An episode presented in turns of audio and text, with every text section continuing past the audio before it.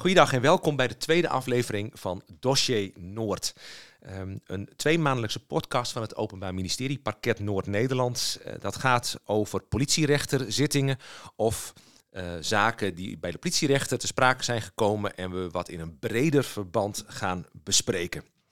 Vandaag hebben we een haakje gevonden, een zaak. Daar hebben we een video van gemaakt. Nou, luister er eerst maar eens naar.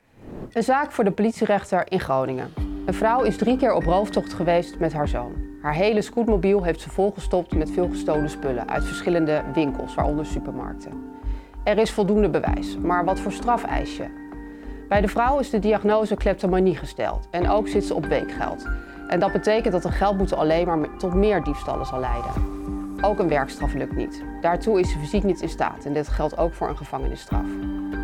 Mevrouw zit inmiddels in een GGZ-instelling en ze komt zonder begeleiding niet meer naar buiten. En ze steelt dus ook niet meer. Wij eisen dan nu ook een voorwaardelijke gevangenisstraf van twee maanden en de politierechter legt dit ook op. Wat voor straf kun je opleggen, ga je opleggen? Daar gaat deze podcast over.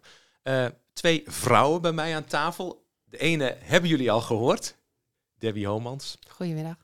Persofficier van Justitie. En ook gewoon officier van Justitie. Ja, dat doe je allebei. En Anna van der Oever.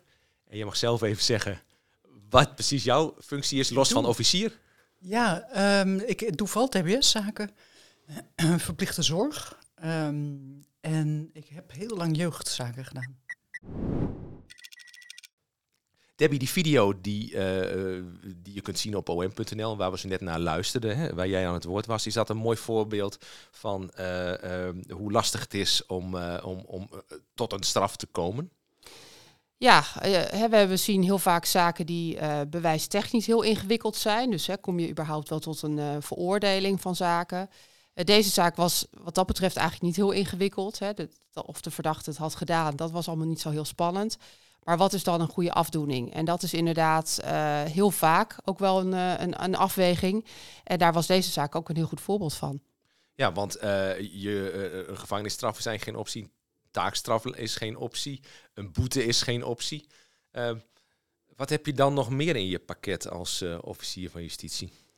Ja, als we naar strafzaken kijken, dan kunnen we voor het bepalen van de straf ja, halen, houden we eigenlijk verschillende dingen in, uh, in uh, nemen we in aanmerking. je kijkt natuurlijk allereerst naar het ernst van het feit. Hè. Dus je vindt, hè, er moet wel een bepaalde mate van straf komen, omdat iemand iets fout heeft gedaan. Hè, de vergelding, zoals we dat zo, uh, zo mooi noemen. daarnaast wil je ook naar de samenleving uitstralen dat nou ja, als iemand iets fout doet, dat daar ook een bepaalde straf tegenover staat. En ook de bedoeling dat je daarmee uitstraalt dat anderen niet ook zoiets doen. Hè, de preventie. En je wil ook dat deze verdachte, die dan uh, voor de rechter komt, ook niet opnieuw de fout ingaat. Dus daar wil je ook een passende straf op, uh, op plakken.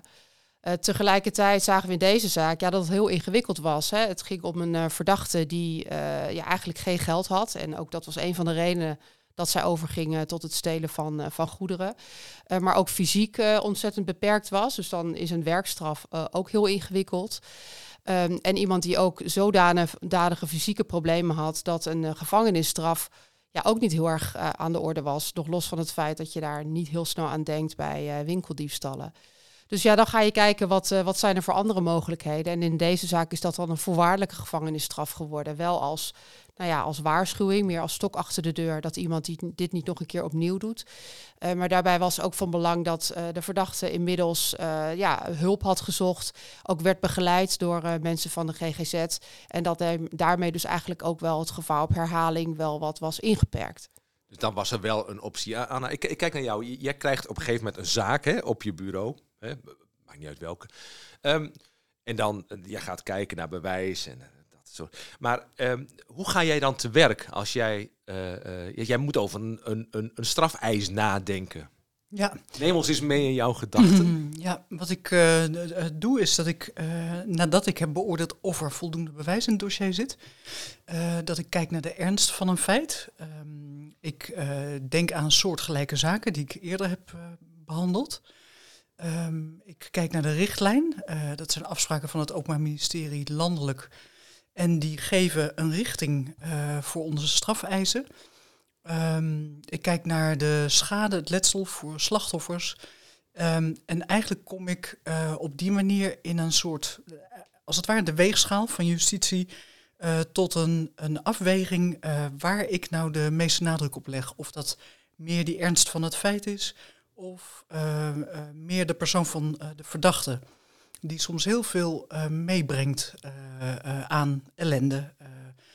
soms al vanuit de jeugd. En dan is de slechte jeugd niet het excuus maar vaak wel zo vormend dat het de vraag is hoezeer kan je iemand zijn daden kwalijk nemen. Um, en daar probeer ik die maatwerkeis op te, toe te passen. Um, en daarmee ga ik naar zitting. Ja, maar werk je dan plusjes en minnetjes? Het, is, het, is, het, is, het, het lijkt mij zo'n lastige afweging, want je grijpt ja. zo gigantisch in in, de, in, een, in een bepaalde levenssfeer. Ja, het, het zijn bijna wel plusjes en minnetjes. en naarmate ervaring toeneemt, gaat dat heel intuïtief. Um, maar toen ik begon als officier was dat bijna een kwestie van plusjes en minnetjes inderdaad. Uh, dus alsof je muntjes legt op een weegschaal. Van wat, wat vind ik nou zwaar wegen? En dat is, dat is een heel uh, ingewikkeld deel van ons werk. En mensen in opleiding die dit vak leren, die vinden dat ook vaak het, het moeilijkst. En dan helpt het enorm om met elkaar te praten daarover. Ja, dus uh, dan loop je de gang op naar een collega en zegt: Ik heb zo'n zaak. En dan zegt die collega, dat doet wel denken aan een zaak die ik heb. Of heb je aan die en die aspecten gedacht? En zo kom je al pratend eigenlijk tot een, een goede eis, denk ik. Um, je zegt hè, praten met collega's. Uh, Debbie, uh, ik heb ook een paar keer als, als persverlichter bij mogen zitten bij een strafmaatoverleg. Kun je uitleggen wat een strafmaatoverleg is van het Openbaar Ministerie?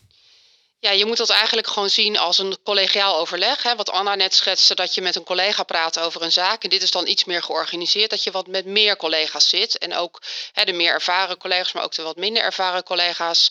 Hè, degene die dan een zaak op zitting heeft, die ja, legt ook de zaak voor aan de collega's. En ja, benoemt dan de belangrijkste elementen uit het dossier, over welke zaken het gaat, over welke feiten het gaat en wat er bewezen kan worden verklaard. En ook eigenlijk die belangrijke omstandigheden die Anna net noemde, die je meeweegt bij het bepalen van een strafeis.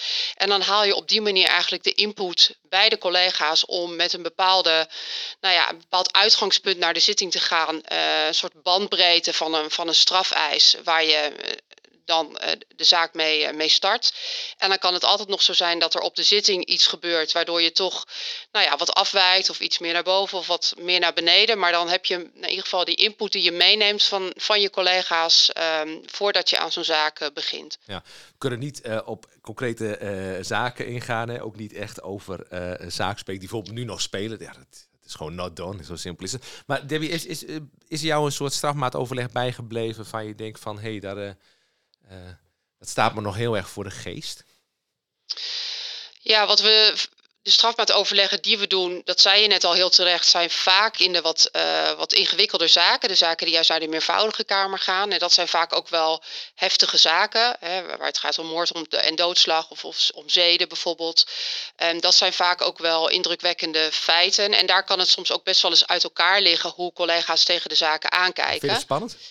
Uh, nou, ik vind het zelf niet spannend, maar het is wel goed om dat met elkaar te overleggen en uh, van ieder de input te krijgen. Hè. De een legt iets meer nadruk op het ene muntje op de weegschaal en de ander wat meer op de andere. En zo kun je soms ook met een zaak zelf naar een strafmaatoverleg gaan met een bepaalde uh, insteek. En een bepaalde, nou, het zal ongeveer deze kant op gaan. En dan zijn er toch collega's die daar nou, wat anders naar kijken. En die input neem je dan, dan toch wel weer mee. En de zaken die bij de politierechter spelen, die ook wat ingewikkelder zijn, die worden er ook ingebracht omdat ze of misschien publicitair uh, behoorlijk gevoelig zijn, of om, nou ja, het niet een standaard zaak is. En die worden op dezelfde manier eigenlijk uh, besproken bij zo'n strafmaatoverleg. Dit is Dossier Noord, een podcastserie van het Openbaar Ministerie Parket Noord-Nederland over politierechterzaken in het noorden. Zo'n strafeisen als officier van justitie, Anna, Debbie, uh, wie het ook. Is dat een, uh, bijvoorbeeld, ik vind dat altijd wel een, een, een, indrukwekkend moment in de rechtszaal. Um, ja, jullie zijn behoorlijk ervaren, dus ja, dat doet. Maar is dat, heb jij bijvoorbeeld Debbie, een zaak waarvan jij persoonlijk denkt van, oké, dit was wel, nou, dit staat mij voor eeuwig bij, dat ik een bepaalde strafeis, want je hebt waarschijnlijk wel eens, ja, je hebt grote zaken, je hebt forse straffen geëist. Ja, er zijn wel zaken waarin je uh, weet waar het bijvoorbeeld om levensdelicten gaat, waar je wel echt hele forse straffen neerlegt. En hè, dan weet je dat er, hè, daar gaat dan een best een lang requisitor aan vooraf. Dus die spanning bouwt dan natuurlijk wel een beetje op. En dan, hè, dan weet je wel dat als het moment dan komt, ja, daar zitten heel veel mensen naar te kijken. En in de eerste plaats natuurlijk de verdachte en hun advocaat, hè, maar ook de media. Dus hè, je weet dat mensen daar dan natuurlijk wel op reageren. En, en na het uitspreken van die strafeis is vaak ook meteen het requisitor ten einde.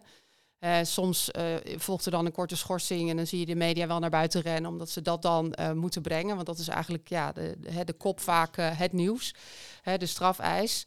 Um, dus dat zijn wel soms ook wel spannende momenten. En vooral als je natuurlijk echt jarenlange gevangenisstraffen eist. Ja, dat, dat komt hard binnen. Dat grijpt enorm in in het leven van mensen. Dus dat is niet iets wat je zomaar doet. Ja, wij zitten achter de verdachte. Jij kijkt natuurlijk als staande magistratuur ook iemand, nou ja, bijna recht aan natuurlijk. Dus jij ziet alle emoties.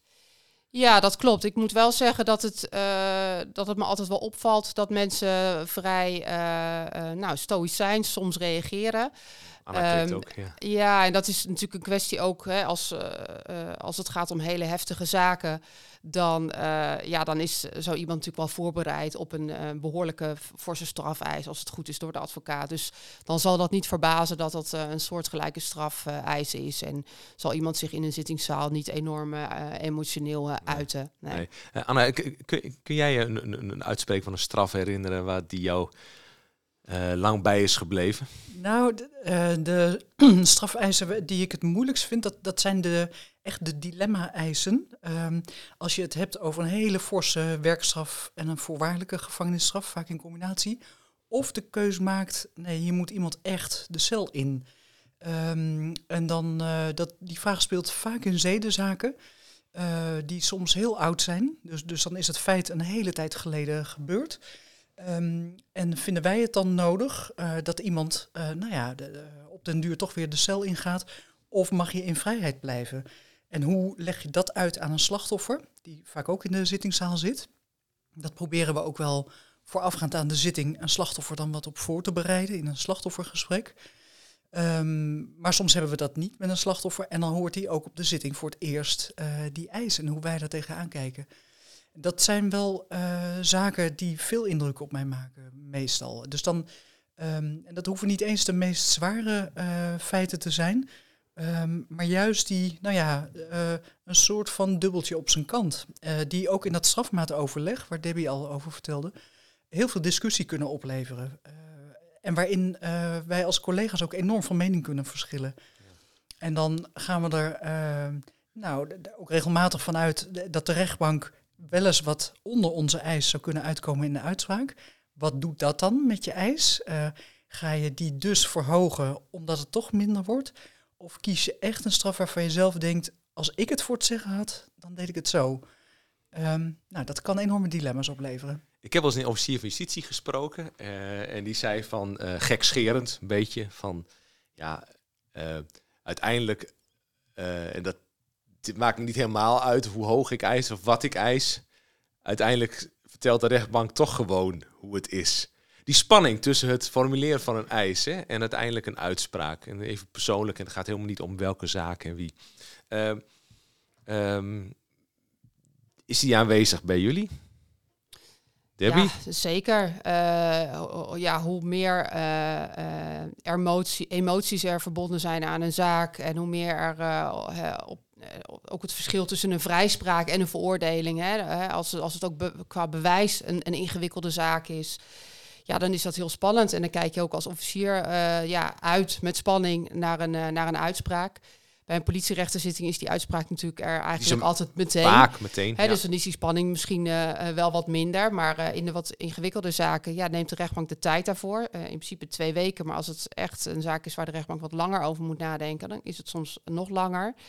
Ja, en dat is natuurlijk voor ons, uh, ja, ik wil niet zeggen misschien net zo spannend als de verdachte, maar ook wel. Hè, wij zijn natuurlijk ook wel nieuwsgierig dan hoe de rechtbank daar tegenaan kijkt. Uh, de rechtbank die is altijd uh, tijdens de behandeling um, ja, echt onbevooroordeeld. Hè. Dus je krijgt soms ook niet heel goed gevoel bij hm, welke kant gaat ja. het nou op. En dat moet ook. Hè. De rechtbank moet ook pas bij beraadslaging uiteindelijk dan, dan die beslissing nemen. maar vooral inderdaad waar zaken, ja, waar het ingewikkeld wordt of het überhaupt een veroordeling wordt, ja, dat zijn toch wel zaken die, uh, ja, die dan toch wel spannend zijn.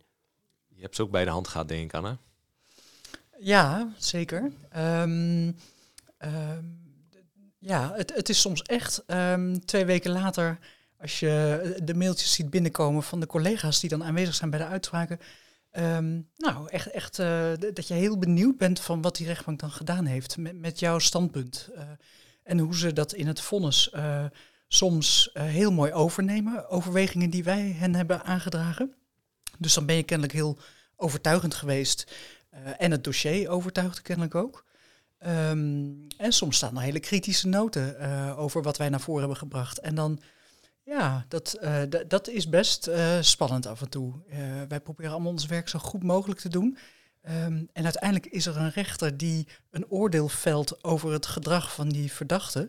Um, maar eigenlijk ook wel over de kwaliteit van ons werk. En dat, ja, dat, dat kan spannend zijn. Ja, want het wordt ook vaak uh, van buitenaf hè, geframed als uh, winst en verlies van het OM ja. hè, en dat soort dingen. Ja. Terwijl als je gewoon magistraatelijke naar kijkt, wij natuurlijk gewoon de, ja, de staande magistratuur zijn. Uh, hoe, hoe, zie jij dat, Debbie? Ja, kijk, het is natuurlijk vaak natuurlijk als wij om een veroordeling vragen en wij zouden dit niet krijgen, dan voelt dat als een verlies. Uh, tegelijkertijd gebeurt het ook wel dat wij op zitting om een vrijspraak vragen. Hè? Als het uiteindelijk ja. ter zitting andere dingen blijken te zijn. Hè? Of als er op voorhand misschien al een zaak was die nou, niet heel erg overduidelijk was, maar waar zoveel belangen spelen dat je in ieder geval als Openbaar Ministerie vindt dat de rechter daar in ieder geval een oordeel over moet geven. En dat wij niet zelf alleen die beoordelingen maken door bijvoorbeeld een zaak überhaupt niet uh, op zitting uh, aan te brengen. Ook dan kan het zo zijn dat we uiteindelijk op zitting zelf ook om een vrijspraak vragen.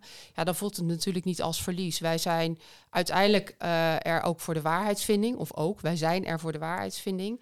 Hè, en als wij vinden dat de waarheid is dat de, de, verdachte schuldig is, dan zullen wij ook om een veroordeling vragen. Maar als er twijfel is, dan, uh, dan zullen wij daar ook niet, uh, niet om een veroordeling vragen. En dan is een vrijspraak ook gewoon het enige juiste. En soms heb je, Anna, dat de rechtbank er overheen gaat. Over je eis. Ja. Dat is ook gek, of niet? Dat is heel gek. Dat heb ik uh, uh, in mijn loopbaan een paar keer meegemaakt. Uh, en dan, dan, dan, dan schrik ik wel. Um, um, terwijl ik me ook wel gevallen herinner waarin ik eigenlijk heel goed begrijp wat die rechtbank doet. Dus, en dan ben ik ergens ook blij dat die rechtbank um, het allerlaatste woord had. maar het, het, het is niet heel leuk uh, als dat gebeurt. Nee. nee. Nee, want je, nee, wat ik net zei, je probeert toch echt een, een hele passende uh, eis te formuleren die echt recht doet aan alle aspecten van de zaak. En als een rechtbank dat heel anders weegt, en dan zit er wel een verschil, vind ik, of een politierechter in zijn eentje uh, een ander oordeel heeft. Um, of dat een meervoudige kamer echt, nou ja, in die twee weken bedenktijd. Met drie rechters. Een, met drie rechters tot een heel ander oordeel komt. Uh, ja, dat, dat, uh, dat probeer je echt te voorkomen. Dat is, uh, ja. Wat, je had het ook over slachtoffergesprekken, die voer je ja. vaak, hè, voor, of nabestaanden of slachtoffers van een strafbaar feit. Um, hoe neem je die mee in je afweging, Debbie? Uh, ja, bij slachtoffergesprekken is dat vaak een van de vragen, een van de belangrijkste vragen die slachtoffers hebben, hè, voorafgaand aan de zitting. Van nou, welke straf ja. hè, uh, gaat u ja, eisen? kun je dat überhaupt zeggen? Want je moet iets aan de rechter voorleggen. Ja, precies. Uh, ik doe dat dan ook vaak niet. Ik geef wel ongeveer een bandbreedte aan. Hè. Dus die bandbreedte die ook uit het, bijvoorbeeld het strafmaatoverleg komt. Of dat ik al aangeef van nou, hè, je hoeft er niet op te rekenen dat er misschien nog een gevangenisstraf uitkomt. Of hè, juist wel. Of ik ga er wel voor, maar het is niet zeker dat dat opgelegd gaat worden. Dus um, wat ik bij een slachtoffergesprek eigenlijk altijd doe, is een, een, een, slachtoffer meenemen in alles wat er op een zitting kan gebeuren. Van een, een aanhouding tot een wraking, tot uh, er is pers aanwezig, uh, tot uh, welke strafeis ongeveer. En dat de rechtbank heel iets anders kan vinden. Om zoveel mogelijk maar een slachtoffer voor te bereiden op alles wat er tijdens zo'n zitting kan gebeuren. Ja, en de eis is daar een onderdeel van. Maar ik zal eigenlijk nooit in een slachtoffergesprek zeggen, ik ga dit en dit eisen specifiek. Omdat, zoals ik net al zei, er soms ook op zitting iets kan gebeuren, waardoor het toch weer anders wordt. En dan heb je nou, verwachtingen uh, geschept die je niet waar kunt maken en ook niet wil maken. Uh, hebben jullie misschien daar een voorbeeld van? Dat je op een gegeven moment je gaat naar een zitting hè, en uh, je denkt van, jongens, nou, ik heb alles voorbereid. Het is, ik ga x jaar gevangenisstraf eisen. Of, en je komt op die zitting en het slaat helemaal om. En je denkt, wacht eens even, dit moeten we anders aanpakken. Kun, Ja. kun- of hebben jullie misschien een voor, kun je een voorbeeld noemen zonder natuurlijk hè, dat we de boel eh, kunnen herleiden voor eh, Ja. slachtoffers? Ja, nou, je, je- wat, wat ik eh, ook van collega's hoor, maar zelf ook wel meemaak, is dat een, slag, een verdachte op zitting soms veel schuldbewuster is dan die uit het dossier naar voren kwam. Ehm, en dan moet je goed kijken of dat eh, een gelegenheidsschuldbesef is, eh, spijt en dat soort dingen, of dat wel oprecht is. En dat is eh, soms heel moeilijk om na te gaan. Ehm, Want een maar- oprechte spijt eh, Ja. kan ik- strafminderend werken. Ja, ehm, dat is voor mij niet zozeer het rechtstreekse gevolg. Maar als ik zie dat iemand zich bewust is van eh, gedrag wat hij echt moet veranderen, waar, die mee moet stoppen en in de toekomst dus eh, eh, anders moet reageren op situaties. Dat vind ik een hele belangrijke factor voor eh, dat voorkomen van recidive, als dat bewustzijn er is. Ehm, dus als ik daar iets oprechts van zie, dan ben ik wel geneigd om dat in ieder geval te benoemen. Ehm, en ehm, misschien ook wel iets van mijn eis af te halen. Maar dat een eis totaal anders wordt. Ehm, nou, dat, dat heb je misschien een beetje in die dilemma-zaken waar ik inderdaad zat te twijfelen tussen een gevangenisstraf of een forse werkstraf en een voorwaardelijke gevangenisstraf. Eh, dat, dat kan wel eens omslaan. Eh, en dan zit het, eh, zit het hem vooral daarin. Het omgekeerde van juist een, een verdachte die op de zitting totaal geen blijk geeft van inzicht in het kwalijke van zijn gedrag, eh, kan ik hem dus ook wel extra kwalijk nemen. Eh, en, en dan eh, word ik niet milder. Eh, dan word ik streng, ehm, eh, verbaal, maar dan wordt mijn eis soms ook wat hoger dan ik aanvankelijk in gedachten had. Debbie knikt. Ja, ik denk dat iedereen dat herkent. Hè. En het is, eh, het is soms wel tricky, wat Anna ook zegt, van is iemand nou echt... eh, ja, hè, is dit een, maar voor de bühne nu op de zitting... dat iemand in één keer tranen misschien laat zien... of heel veel spijt betuigt. Dus het kan ook helpen als iemand bijvoorbeeld ook daadwerkelijk heeft aangetoond... van nou, ik ben tussen dit strafbare feit en deze zitting... ben ik ook echt aan de slag gegaan met mijn problemen. Ik heb ingezien dat ik die drank moet laten staan... of dat, ik, dat mensen zelf eh, hulp hebben gezocht daar ook bewijs bijvoorbeeld van kunnen overleggen, omdat ze bijvoorbeeld in behandeling zijn. Ja, dat kan heel erg meewegen om uiteindelijk nou, bijvoorbeeld toch die afweging te maken van niet eh, nog weer terug de gevangenis in, maar dan een forse voorwaardelijke gevangenisstraf en dan een werkstraf. Als iemand bijvoorbeeld nou ja, allerlei stukken kan overleggen waaruit blijkt, als ik echt weer vast kom te zitten, dan verlies ik mijn baan of dan verlies ik mijn woning. Hè, ja, we zijn er ook niet eh, voor natuurlijk dat iemand van de regen in de drup eh, terechtkomt en als die dan vrijkomt, alles weer kwijt is met de kans dat hij weer eh, enorm de fout ingaat. Dus dat kunnen wel omstandigheden zijn die op een zitting dan naar voren komen, die toch maken dat het iets anders wordt dan ja, waar je op voorhand eigenlijk mee in je hoofd zat en, en naar zitting ging. Ja. Dit is Dossier Noord 2, een podcast waarin officieren van justitie vertellen hoe ze tot een strafeis komen. Heeft de verdachte ooit al een keer jullie bedankt voor een goede verhaal en, eh, en, eh, en voor de strafeis, of niet? Ja, ik heb het zelfs meegemaakt. Ja? Ja, ja. ja. ehm, Dan was het eh, soft, denk ik. Dat zou je wel denken. Ehm, ja, ik, ik heb wel eens eh, meegemaakt. Dat zat hem niet zozeer op de strafhoogte, denk ik. eh, maar meer dat ik eh, een compliment kreeg. eh, over het feit dat ik de verdachte had gezien en erkend. En dat, dat zijn misschien wat vage termen, maar ehm, ik had uit de rapportage over deze verdachte, dus dit was in dit geval een minderjarige, had ik zoveel informatie gehaald en op zitting ook genoemd en ook in vraagstellingen aan deze verdachte nog naar boven gehaald. ehm, dat hij eh, benoemde dat, hij, eh, dat, dat ik eigenlijk de enige was die hem echt had gezien. En dat vond ik een waanzinnig compliment. Eh, ook, ook wel een beetje, nou ja, het geeft ook wel een beetje te denken dat, ehm, dat er in zo'n zittingszaal allemaal andere mensen zijn die minder dat gevoel gaven. Maar goed, ik was heel blij met dit compliment. Ehm, Dan hoop je hem nooit meer te zien, eigenlijk. Ehm, nee, precies. Dan, dan hoop ik eigenlijk dat dat, dat dat ook een effect is. Eh, niet, dat hij nog een keer graag naar de rechtbank terugkomt om, om mij daar Ja. of mijn mooie verhaal te horen. Maar ehm, nou ja, misschien dat het kwartje dan echt valt van ik moet dit eh, zien te voorkomen in de toekomst. Eh, en een heel enkele keer ehm, ja, zie, je, zie je verdachten ook echt wel knikken van nou, dit is gewoon een, een, een heel redelijk eis en een redelijk verhaal wat deze officier brengt. Het is niet eens zozeer heel enkele keer, maar dat, dat gebeurt eigenlijk wel vaak. En ik denk niet dat dat uh, betekent dat ik te laag eis. Um, maar meer dat het heel... Uh, Gezonde reality check, zeg maar. Zoiets, ja. ja. Heel, heel aanvaardbaar. En als dan ook nog een slachtoffer zit te knikken, nou dan, dan, dan, ben ik dan heel tevreden. ja. ja. ja. Ja, ik denk dat dat vooral in uh, de wat, uh, wat, nou ja, wat kleinere zaken vooral speelt. Hè, waarin uh, de belangen, de, de, geschonden belangen van een, van een slachter bijvoorbeeld niet heel heftig zijn. Hè, waarbij inderdaad het gaat om een winkeldiefstal of misschien een vernieling. Waarbij er wel gedoe is geweest tussen twee partijen, maar die elkaar toch wel weer gevonden hebben. Um, waarbij je dan nou ja, zoveel rekening houdt met alle omstandigheden dat nou ja, het voor iedereen dan op dat moment ook wel goed is hoe het dan wordt afgerond. Ik denk dat we dat allemaal wel herkennen, vooral in de wat lichtere zaken. Ik denk vooral ook bij kinderzittingen. Anna heeft daar heel veel van gedaan. Ik in het verleden ook wel. daar is het uh, totaal andere dynamiek. Een heel andere tak van sport. Dat zijn ook besloten zittingen, maar daar uh, is veel meer dan bij meerderjarigen echt oog voor, hè, voor de minderjarigen zelf en het voorkomen van recidive en veel minder echt het afstraffen.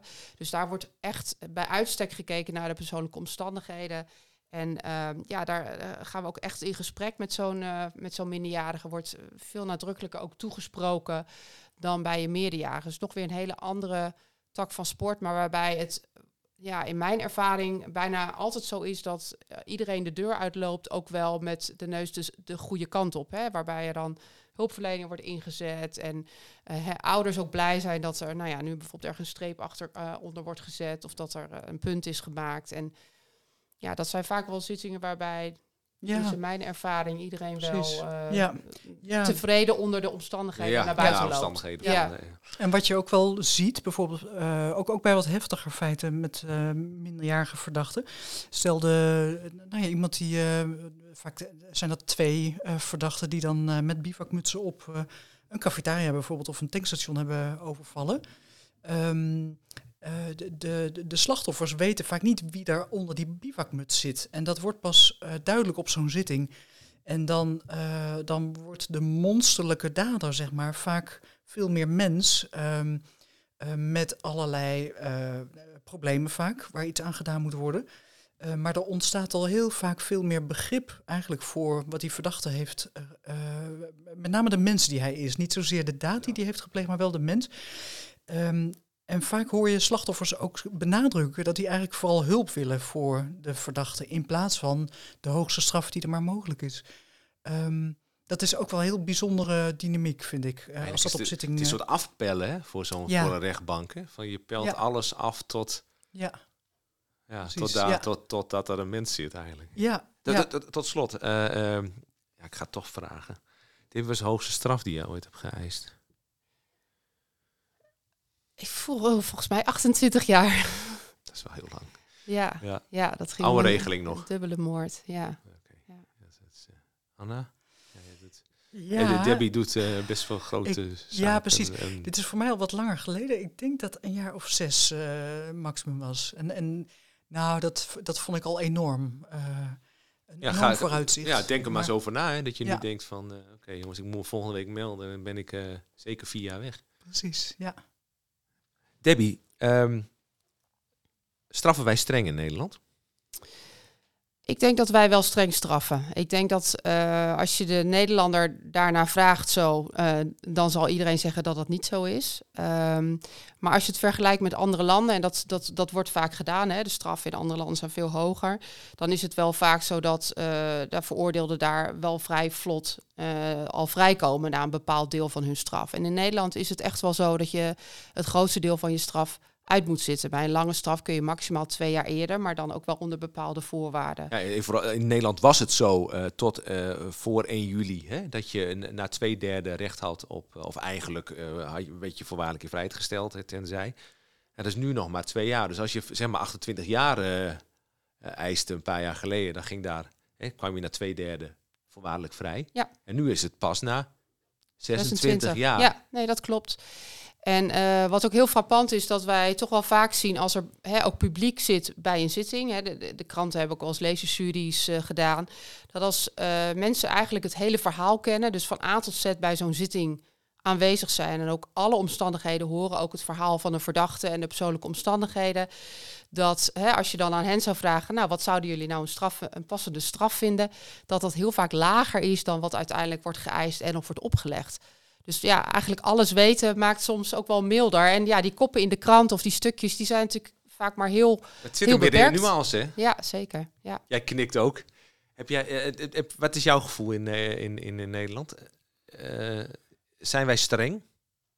Ehm, als je dat vergelijkt met het buitenland, dan denk ik dat wij best streng zijn. Ja. Ehm, maar vooral rechtvaardig, denk ik eigenlijk. Ehm, dus eh, ehm, ik, ik zou het niet eh, anders willen. Eh, ik, ik begrijp wel dat er zaken zijn waarin het heel moeilijk te begrijpen is dat een straf misschien laag is eh, of laag wordt gevonden.